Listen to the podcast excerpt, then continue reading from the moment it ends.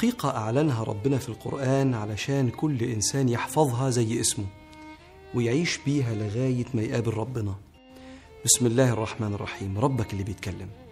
يا أيها الناس أنتم الفقراء إلى الله. والله هو الغني الحميد. إن يشأ يذهبكم ويأتي بخلق جديد وما ذلك على الله بعزيز. أنت مش فقير لحد لكنك وصفك أيها الإنسان فقير. إلى الله. والفقر يعني الاحتياج. ومفيش أي حدث بيطرأ على الإنسان أو مقتنى بيقتنيه الإنسان يخليه مستغني عن ربنا سبحانه وتعالى. الحكيم ابن عطاء الله بيقول فاقتك ذاتية والفاقة الذاتية لا ترفعها العوارض. يعني أنت تركيبتك نفسيتك وجسمك وكلك على بعضك متركب فيك الاحتياج إلى الله. ومهما جه شيء عارض عليك مش هيخليك مستغني عن ربنا. يعني أنا لو بقى معايا مليون جنيه لسه أنفاسي بإيد ربنا. لا يخرج ولا يعود النفس إلا بإذن الله. لو خدت الدكتوراه لو وقفت نقطة دم في دماغي ممكن أنسى اسمي. لو حفظت القرآن كله لو ربنا مش مدي قلبي الإذن إنه يكون مقبل على الطاعة قلبي هيبقى اقسى من الحجارة حتى ولو كنت حافظ القرآن. وتظهر قوي إحساس الفقر إلى الله في دعوة رسول الله عليه الصلاة والسلام. سيدة أم سلمة تقول كان جل دعاء رسول الله يا مقلب القلوب ثبت قلبي على دينك. أنا مملكش قلبي. القلب في إيديك. يا رب ثبته على طاعتك. طب هو ليه ربنا أصلا عايزنا فقراء؟ ربنا أردنا فقراء عشان دايما نكون موصولين بيه ودايما يكون في بيننا وبينه دعاء واحتياج.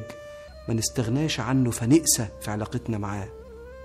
وكمان ربنا سبحانه وتعالى عايزنا فقراء عشان نكون حنينين على بعض. لأن الله هو الغني وكلنا فقراء ليه. ولو عايزين عطاء الله ورضاه قال لنا نكرم بعض ونسامح بعض ونرحم بعض استجلابا لرحمة ربنا وعطائه. وإلا عارف العبد لو استغنى عن ربنا بيعمل إيه؟ بيطغى على الخلق. شوف ربك بدقة يقول كلا إن الإنسان ليطغى أن رآه استغنى. ملوش كبير يخاف منه أو يحتاج له فأجمل حاجة إنك تفضل فقير مش لحد إلى الله. ومن رحمة ربك إنه يحافظ لحبايبه على مقام الفقر ده. يعني ساعات ربنا يبهرك بالعطاء فتقول يا نهار أبيض ده إحنا من غير ربنا ولا حاجة. يا رب ده أنت غني قوي. وساعات بالابتلاء حتى لا تنسى احتياجك لله. الصحابة غزوة بدر كانوا 300 غزوة أحد كانوا 700 غزوة الخندق كانوا 900 غزوة حنين سنة 8 هجريا كانوا 12 ألف. خرجوا من مكة لقتال هوازن 12 ألف. أول مرة فواحد منهم قال إيه؟ لن نغلب اليوم من قلة. إحنا مش هنتغلب. ليه؟ مش عشان ربنا معانا عشان إحنا كتير. فاتهزموا في أول الحرب. عشان يقولوا يا رب كن معنا. زي ما قالوا يا رب في غزوة بدر بيحبهم وبيربيهم. بسم الله الرحمن الرحيم. ويوم حنين إذ أعجبتكم كثرتكم فلم تغني عنكم شيئا لأن المغني من الاحتياج والفقر هو الله مش العدد. ويوم حنين إذ أعجبتكم كثرتكم فلم تغن عنكم شيئا وضاقت عليكم الأرض بما رحبت ثم وليتم مدبرين. ولما دعوا ثم أنزل الله سكينته على رسوله وعلى المؤمنين. فحافظ على وصفك الفقير إلى الله. وعلى فكرة وده الغنى إنك تبقى فقير له. عارف هيغنيك؟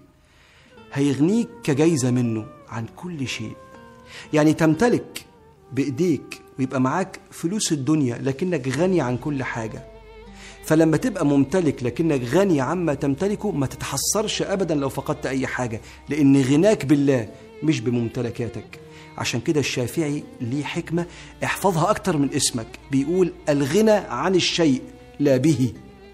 يعني غناية الحقيقي إن أنا أكون مستغني بالله فاستغنى عن أي حاجة. مش ابقى غني بالحاجة دي فتبقى سبب غناية فابقى فقير ليها ومحتاجها دايما عشان أبقى غني. فافتقر لله واستغنى بيه يغنيك عن كل شيء. ومرة لنفسك إنك تدعي بعد كل صلاة لأن الدعاء بيربي على الخضوع لربنا وإحساس الفقر ليه. جرب تدعي كتير وراقب أثر ده في قلبك واحكي لي. يا رب أغننا بالإفتقار إليك ولا تفقرنا أبدا بالاستغناء عنك.